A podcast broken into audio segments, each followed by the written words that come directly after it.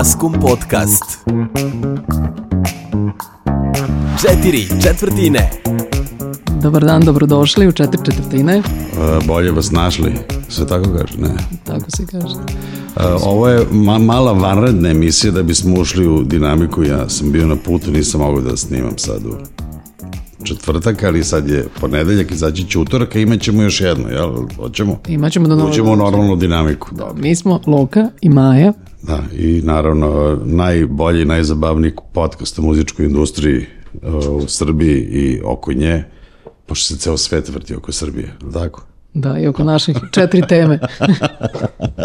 E, naravno, ovog, ovog puta smo odlučili da e, sumiramo godinu, imamo e, dva utiska ja, dva utiska Maja, da završimo godinu, a onda ćemo da pričamo šta će biti u 23. tamo u subotu. Može tako? Može. Pa da. Mislim, mi moramo prvi da zaključimo. Pre drugih. Dobro, ja, evo, ja ću Bolje da kažem pa- moje dve teme. Onako samo ću da dam teaser, pa ćemo posle da pričamo. Prvi je naravno pobe, pobjeda konstrakte i cijela ta nekako jedna preko noći, da kažemo, jedna druga e, sfera života koja se otvorila.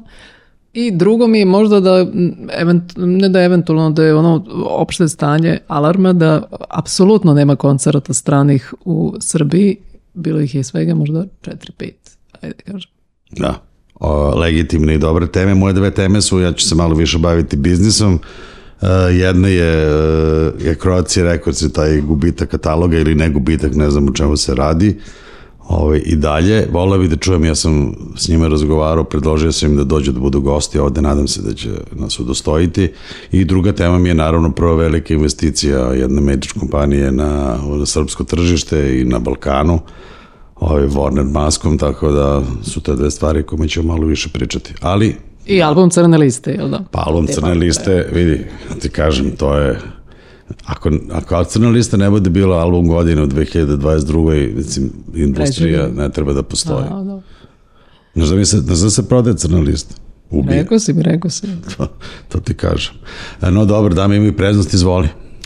Pa eto, e, gledali smo Eurosong, e, videli smo kako Konstrakta putem društvenih mreža dolazi velikom brzinom do svojih fanova, kako, e, čak sam i gledala Sašu Popovića koji na prvoj ili gde je već bio, ne sjećam se davno je bilo kako govori da je to jedna slojevita pesma. Slojevit. Da, ovaj, tako da e, e, tu je bilo svašta, ali lepo je da može karijera tako da krene da kažemo jednom uzlaznom putanjom jako brzo. To je, Da, i u nekom, ajde ne kažemo pozna, jer u nekoj zreloj fazi. Jel? da, mislim, ona i Milovan i ceo taj, ajde kažemo, band, e, rade dugo, nije to preko noći, ali odjednom, zbog jednog e, u koji verovatno ni sam ti nisi verovao na taj način, se desi bukvalno čudo da ljudi prosto na tu koreografiju i na to nešto odreaguju.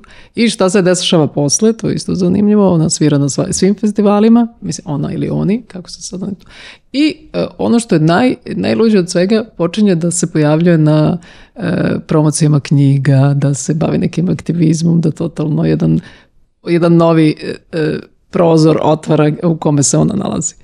Pa dobro, ja, jeste zanimljivo. Mislim, pričali smo o tome više puta i naravno to ne može da se preskoči da jeste jedan od najvažnijih događaja bio ovaj, na, na domaćem tržištu, jel, na sceni, Terenu. na terenu, jel, se kaže. Ja se stvarno, puno sam pričali da se ne ponavljam, da, meni je, ja to stvarno pozdravljam, to je divno, ja, meni se čini da, da bi možda bolje bilo da je muzika ovaj, nastavila da svira, da se malo manje bave aktivizmom, ali to je samo ovaj, moje mišljenje, čini mi se da možda nisu na najbolji način artikulisali taj moment. Super je da ti odsviraš sve te festivale, ali prođe skoro godinu dana, nema nikakav follow-up. Ja mislim da kad ti se pruži takva prilika, znaš, vremena su, rekao, e, koncentracija publike u današnje vreme je jako kratka. Mislim, to je svima jasno, stvari prolaze mnogo brže, dolaze i prolaze mnogo brže nego što je to ikad bilo do sada u istoriji. Čini mi se kada ti se ovaj, otvore vrata na ovaj način da bi stvarno morao onako da silovito kreneš napred. Ali, jel, takvi su... Dobro, ovaj, to, takvi nije, je to nije uspeo ni onaj e, Julie, Daniel. Nije, nije uspeo Julie, ali znaš ko je uspeo? A bio nam je gost. Ovaj, kako se zove, ovaj TikToker, bože, što je, što je bio uh, predstavnik, kad smo već kod Eurovizije, predstavnik Eurovizije Velike Britanije. Bio je drugi. Sam Phillips, jel? Ne. E, nije Sam Phillips, bože, kako se zove. Ja bio nam je gost ovde, ja sam se upoznao s njim.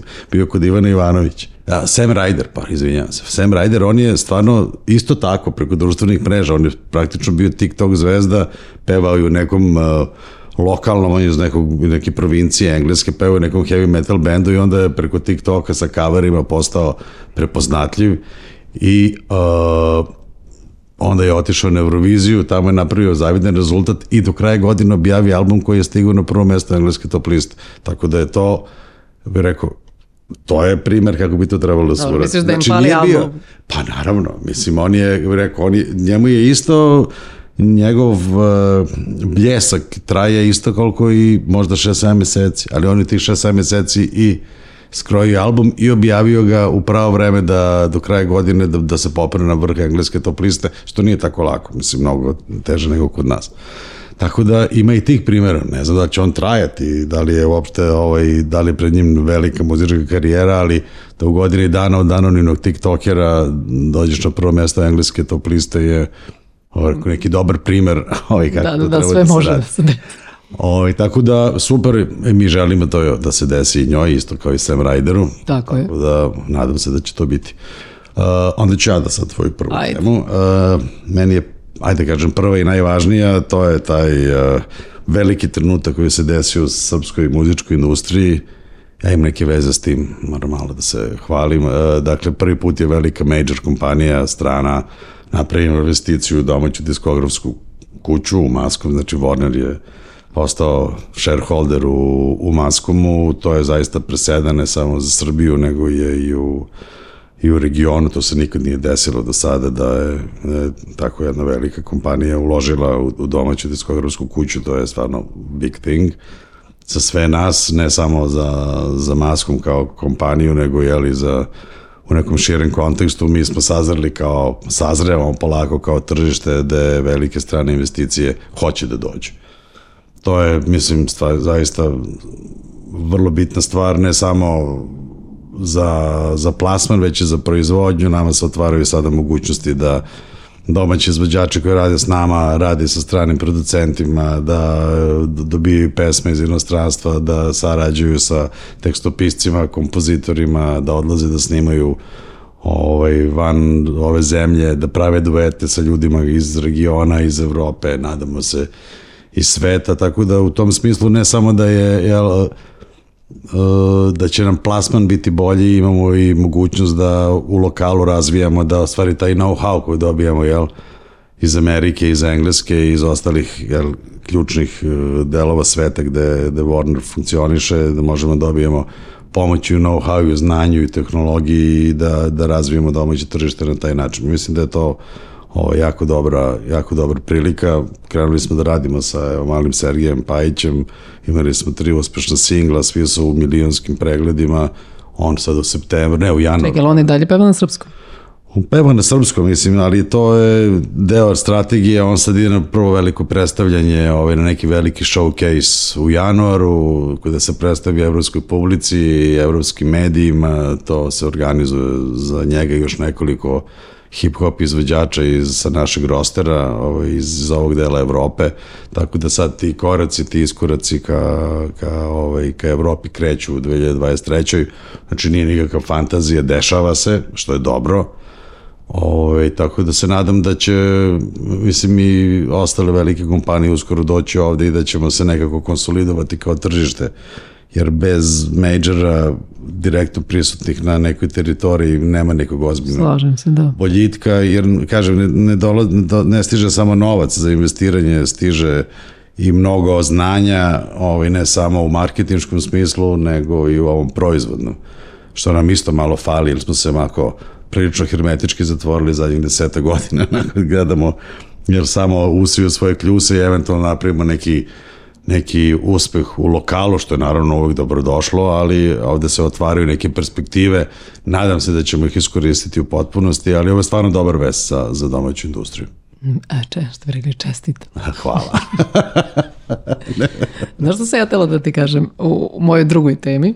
To je da nema koncerta stranih i kako je moguće da od tih šaka jada koje je došlo u Srbiju u posljednjih bukvalno godinu dana, da od tih, ajde neka da ih bude deset ukupno stranih, ajde kažemo malo većih bendova, bude dva puta Kušin 2022. u Srbiji.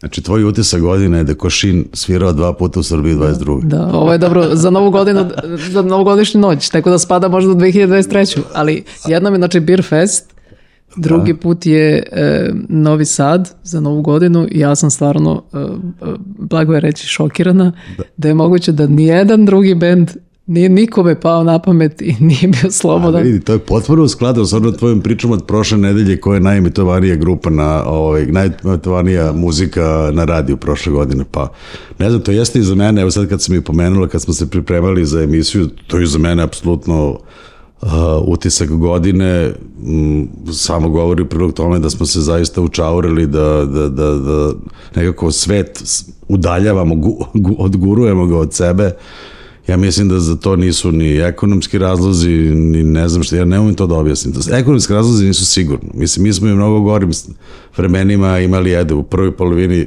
u prvoj de, dekadi, u prvoj deceniji 21. veka smo imali sve živo. Čoče, imali smo 90-ih prodaži u Hali, Hali Pionir. Ove, tako da ja mislim da taj moment da, da, da ljudi neće da plati ili ne mogu da plate neku, neku cenu karte, da to nije to. Ja mislim da je to deo neke, nemam pojma, samo cenzure ili neke, neke opšte kulturne politike da se mi hermetički zatvaramo za sve uticaje ovaj, sa zapada pa i za, za novu muziku. Meni to je neobjašnjivo, ali to je u stvari vrlo opasno, ja mislim i vrlo je toksično za, za uopšte jel, kulturni razvoj ovde i za, za poimanje u toga šta se dešava u svetu. Nepraćenje trendova, nemati mogućnost da vidiš nekog koji je aktuelan ili bar nekog koji je na oproštenoj turneji da ga ne vidiš ovde je stvarno nešto što bi trebalo da nas zabrine. Pa evo, brine nas. Da, da. Znači, ja mogu samo da kažem da je na Beer Festu Kušini imao sjajan nastup. Pa Stvarno. dobro znam, ali Publika se bukvalno rasplakala, ona se rasplakala. Ja verujem da ona nije ni verovala da može uopšte toliko ljudi da, da dođe negdje Znam, da ali to gleda. nas stavlja u onu tužnu, tužnu poziciju, znaš, kao kad su prvi put Metallica došli u Rusiju, pa su imali, on ne znam koliko, milion ljudi na, Znaš, to ti je stvarno, znaš ti, onda, ako, ako ti ljudi raspaču na košini, imaju emotivnu reakciju 20 godina kasnije, to samo znači da nisu napravili nikakav progres, a to je dosta depresivno. Slažem se, pazi ti sad ono ne izdaješ ništa 10 godina i odjednom dolaziš u Srbiju dva puta. Pardon, izvini, udario sam, evo sad toliko sam se uznemirio, tako da sam Istina. morao da, da, da udarim čušku o mikrofonu. Ne, to je porazno. Ja sad ne znam ko je taj koji bi mogao nešto da uradi na tu temu. Ali ti, ti znaš mnogo više ljudi nego ja. Treba da im kažeš, ljudi, osvestite se. Ljudi se boje valjda da, da ulože zato što e, misle da Srbija nije spremna, mislim, što i jeste delom sigurno tačno, da, Ja mislim da to uopšte da Srbija. Ja nije spremna da- za cenu karte koja može da e, isplati Coldplay, Foo Fighters, to s jedne strane. Kažem ti, ljudi misle. Da li je to tako, ja to ne znam. Ja moram da, ovaj, da, da, da se ne složim što tim to kažeš. Ako Srbija, ajde da uzmemo Beograd. U Beogradu je bruto društveni proizvod dramatično veći od srpskog. Beograd je praktično pola Hrvatske, ako vidiš sa bruto društvenim proizvodom koji je, nije toliko dramatično manji od hrvatskog, a mislim, pošto ne uzimamo ceo Srb, prosek Srbije, kad bi uzimali ceo prosek Srbije, to bi bilo to. Beograd je ipak prilično imućan grad, tu ima dosta ljudi sa, sa jel, pozamašnim svotama para na računima koji mogu to da plate. Ja mislim da cena tu nije problem, mislim da je to pitanje nekakve, da li je to neka kulturna politika, da li neka tamna strana, ovaj, da li neka mračna sila govori ljudima koji treba da dovedu te izvođače ovde da sviraju da to ne rade, da ili ih nemam pojma, pričaju im da to niko neće da plati, da je to preskupo i tako da ja u to ne verujem. Ja apsolutno u to ne verujem. Ako pogledaš raskoš koja postoji ovaj, u, u, u maloprodaju u Beogradu ti možda kupiš sve od Max Mare do, nemam pojma, Gucci cipela, to je sve tu. Pa po toj logici onda niko ne bi ni uvozio te, te, skupe stvari ovdje. Ja ne vidim tu nikakvu razliku. Mislim, prosto je to tako. Ja. Dobro, jasno je, pazi, Rage kad bi došao ovde da stavi kartu 200 eura, mi bi svi dali. Evo, Naravno, ali i to- uopšte ne, znači, ali to je ta po- pogrešna postavka, ne može deo tvoje marketing strategije, tvoj, tvoja prodajna strategija da bude cena cena karte. Ti moraš da se potvrdiš da dovedeš, da napraviš najbolji mogući show, ono što kažu, uh, sagradi, ljudi će doći. Ne možeš ti da, da, da, da, da, da Ja fokusiraš podržavam. sve oko cene karte. Ja podržavam Mislim da je to tebe. pogrešno. Mislim da je to neka, mislim da to je neka, tu mora da ima neka zavera na tu temu. Ozbiljno ti kažem.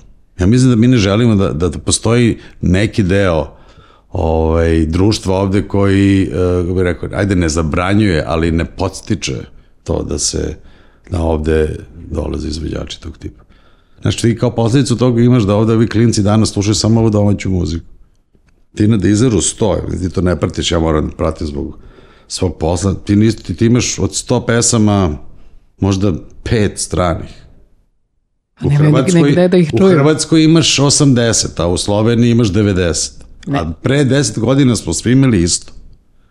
Mi imamo klinci danas od 15 godina ne znaju da postoji nekakva strana muzika. Ne mogu da je vide. Mislim, oni njih ne interesuje Košim, niti ih interesuje... Iron Maiden, Iron koji je rasprodao bio. Dobro, Iron Maiden je ovde dobro prošao. Tako, tako oni su jedini uvek svirali, dobro. Ali oni su jedini svirali od velikih, velikih izvođača prošle godine. Ko je Pa još bio? svirali su oni, svirao je e, Nick Cave na Exitu, svirao je Placebo, Tučelo, svirao je uh, Tiveri Corporation. Gledamo kao Arsenal je jedan od e, najvažnijih festivala ove godine zato što je imao barem neko strano ime i barem dobar uh, ovaj, line-up, što bi se reklo, za razliku od drugih festivala koji su nekada, stvarno, ja se sećam Exita čoveče, u naj prime time-u dovodi se Moloko, Da. ne može da se mrdne na onom Ne znam, mislim da, je nas, da nas ovaj izolacionizam koji je ovde na snazi već neko vreme, mislim da je sad počeo da, kako bih rekao, da, da ozbiljno nagriza ovaj društveno tkivo i da da nas, da nas udalje od svetskih trendova, što je jako loše, mislim, to nije dobro. Dobro, mi imamo trend koncerta Milić Vukašinović, mislim, super je da to postoji, to je sve okej, ali Ali, ali bilo je ljudi, to se ali zna. ja ne želim da pristanem na to i završavam sa svojim komentarom da je cena razlog, samo cena razlog što uh, neko ne dolazi. Vidi, u krajnjoj liniji uh, naše budžetske ustanove imaju imaju budžete iz trezora Republike Srbije koje mogu to da pomognu. Ako treba da se pomogne da Coldplay svira u, u, u Srbiji, pa nek se, umesto što neki gluposti na što se potroše neke pare. Ja apelujem nek da se pomogne. Pa naravno. Tako da, ovaj, ajde vidit ćemo, možda napravimo neku peticiju.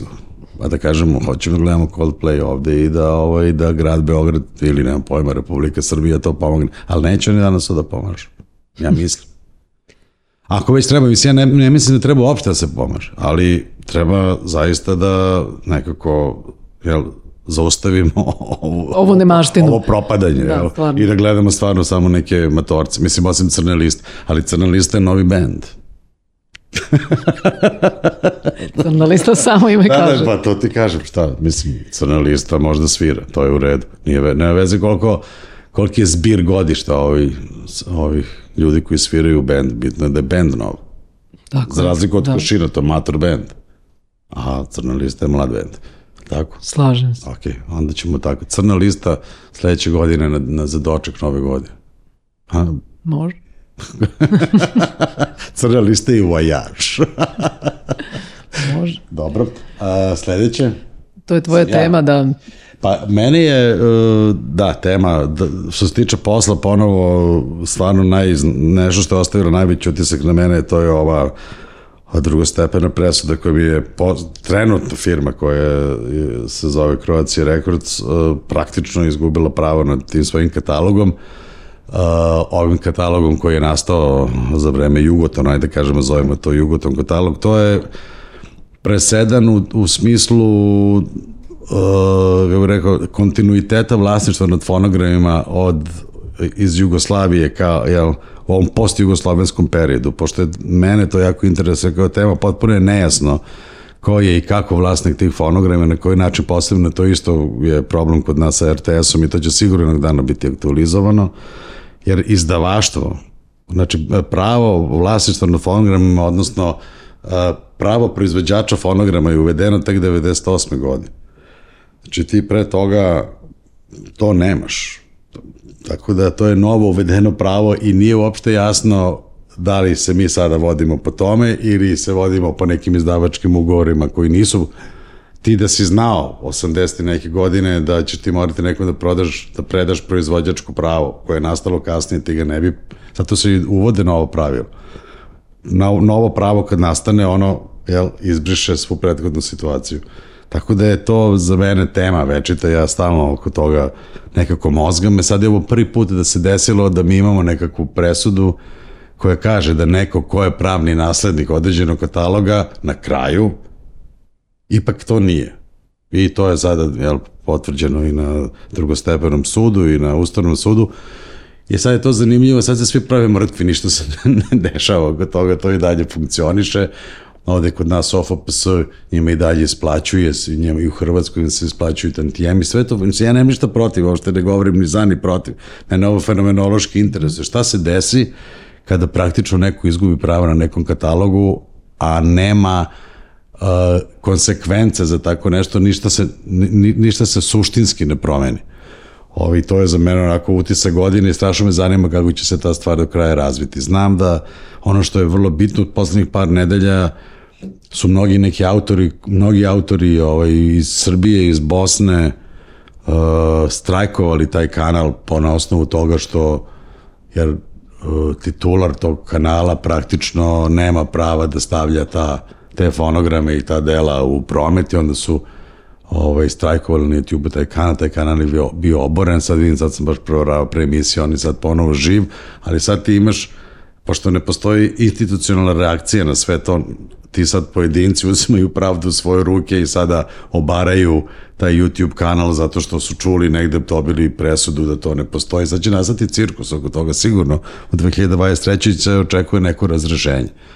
Ovo, ovaj, tako da u tom smislu što se tiče jer te tranzicije intelektualne svine iz socijalističke Jugoslavije ovo post ovu kapitalističku realnost u kojoj mi danas živimo, ovo je prvi put da se desio neki tako tako krupan događaj koji na neki način trasira to šta će se dešavati u narednom periodu oko, oko svih tih fonorovskih prava, autorskih i srodnih i celog tog vrlo komplikovanog korpusa odnosa između pojedinaca, firmi, država i tako dalje. Tako da je to za mene ovaj, utisak godine i ja se nadam da ćemo uspeti da dobijem nekog sagovornika da nam to ovaj, pojasni sve svu tu gomilu ovaj, pitanja koje su se postavila posle jednog takvog događaja, tako da nadam se da ćemo ih imati u gostima u sledećoj godini. Kad smo već tu e, negde kad tako nešto pominješ, ja sad znam jednu informaciju koja sluša ovo, od 27. isplata e, pra, e, love za interpretatore. Stvarno? Bravo. I što je super. To je uvek krajem godine, uvek je to ovaj, neko se obraduje, neko se manje obraduje, tako. Pa i cela fora sa kolektivnom zaštitom je sa tome da ne mogu svi svake godine da se obrade. Zato što je to nekako sistem spojenih sudova, tako da ako jedne godine si imao više emitovanja, trebalo bi dobiješ više. Mislim, ne znam da je to uvijek slučaj. Možda je kontra.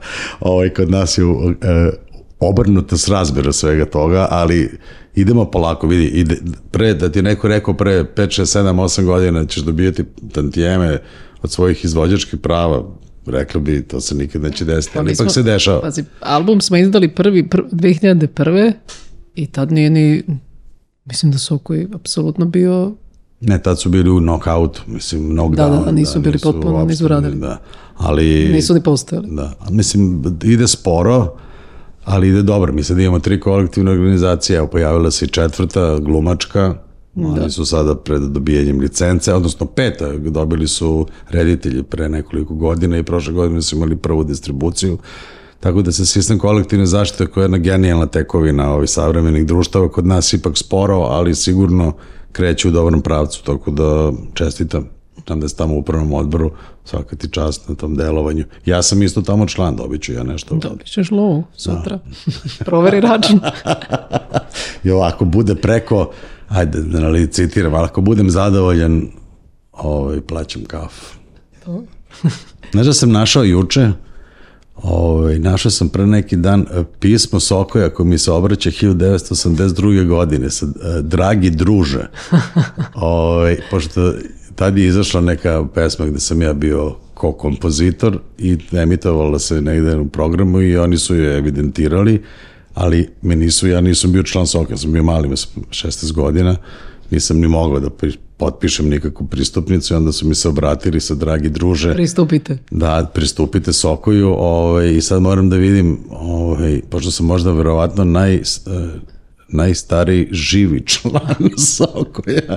Ovaj, šalim se, ali evo, ovaj, tako da sam od 82. godine praktično bio pozvan da budem član, ali mnogo smešno pismo, znači, dragi druže, i onda kao, našli smo pesma ta i ta emitovane, niste se prijavili, dođite da prijavite svoje repertoar.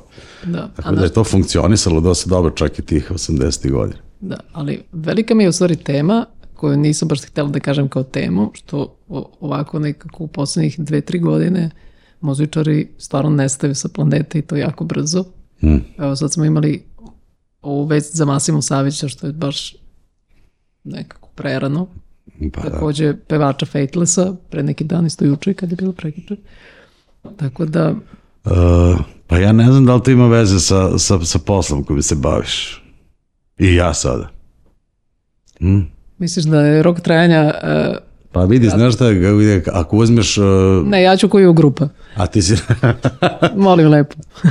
Uh, pa ta, ne znam da mnogo pa, pa ajde sad kako moramo da, da, da se sećamo tih ljudi i, i pevač Specialsa i umr prošle nedelje i ne znam svaki dan kako otvorimo oči i odemo na neku društvenu mrežu imamo neku ovaj, kako se zove, neku tužnu vest o tome da nas napuštaju ljudi iz, iz, iz, iz, iz muzike i uopšte iz, iz kreativnih industrija. Pa ja ne znam, šta, ja ne znam kako to da objasnim, možda je taj, možda taj mladalački život, jel, koji te dosta istruši, jel, kada si mladi, ne vodiš računa o sebi, ali kad uzmeš, ali imaš i primjer s druge strane, znaš, imaš Kate Richardsa i koji i dalje svira, Misliš, e, e, Paul McCartney i dalje svira. ako John pričamo Lennon- o ovima što ne menjaju krv, onda A ja mislim, to sa menjanjem krvi, mislim da je to, ovaj, kako se zove, da je to, nemam pojma, ne znam da je to tačno.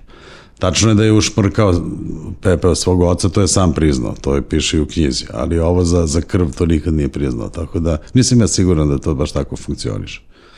Ne znam, svašta se priča. Da, pa ne znam, ja mislim da je, e, rekao, da, ako treba da dam savet mladim muzičarima, kao što Daj si savet. ti, e, treba voditi računa o životu i kad si mlad. Ne da se istrošiš brzo i onda da, znaš, da te onda stigne pre vremena. To ti znači nemojte gledati Avatar od 3 sata, stradat će vam oči. Ne, tako da, i umereno koristite alkohol i ostale ovaj, opojne substance, to sve treba da bude nekako umereno. Tako, ima ovih, o, ima ovih e, što ih uopšte ne koriste. Ima i toga, straight edge. Da, Sjećaš kada je to bilo popularno tamo u početku 2000-ih, ono, hardcore. pa kod mene i dalje edge. popularno. Pa dobro, znači ti ćeš onda da... Ja ću koju grupu, jubi- kažem. A, znači sa sa 80 ja to neću doživeti. Sad idu na američku, e, tur, mislim turneju, nije turneja, ali voze motore obojica 24 dana. Molim lepo, jedan ima 80 godina. Svaka čast. Dobar, znači kolegama, muzičarima da, da savjetujemo da, da vode zdrav život, da vode računa o sebi, da ne pristaju na, ne, na jeftinu cenu karte. Šta god da im pričaju promoteri, Podignimo cenu kartu. podignemo cenu karte. Ja mislim da, da, da treba samo malo odvažnosti, malo hrabrosti. E, Ja mislim da, da smo mi devaluirali svoju industriju, posebno live industriju, baš smo je devaluirali, nema nikakvog razloga za to. Ja mislim da treba hrabro, hrabro izaći i reći, ej, moj, moje sviranje, moje koncertiranje vredi toliko i toliko, neće svi biti ovaj, presrećni, ali će, mislim, biti kritična masa oni koji će pristati na ponudu koju im se daje. Jer ne može, ne može koncert da košta 10 eura. Jer ne, onda nema ni za. Onda, na, i onda, kako bih rekao, onda se ljudi loše hrane, piju i, i ovaj, unose u sebe svašta i to kad tad ovaj, dođe na naplatu. Tako da, mislim, nažalost, eh, ekonomija je, je vrlo bitna u životu svakog od nas i treba prema tome domaćinski da se odnosi. Slažem se s tobom. Ovo je bilo To je to, to sam ti pričao prošli put, evo završavamo. Znači sindikat, vi morate, muziče treba kažu ne, ne svira se ispred tog toliko i toliko iznosa, neću da sviram za manje od toga. I to će se promeniti. Ja se slažem s tobom. Eto, sa tom porukom uh, Podignemo cenu karte. podignemo parolom. cenu karte i podignemo, uh, ovaj, evaluiramo sebe ovaj, što je bolje moguće da, bi, da bismo živjeli što duže. Tako je. Čujemo se uskoro. Čujemo se uskoro, ovo je bio 4x4, uh, nadam se da ste se zabavili. Maskum Podcast.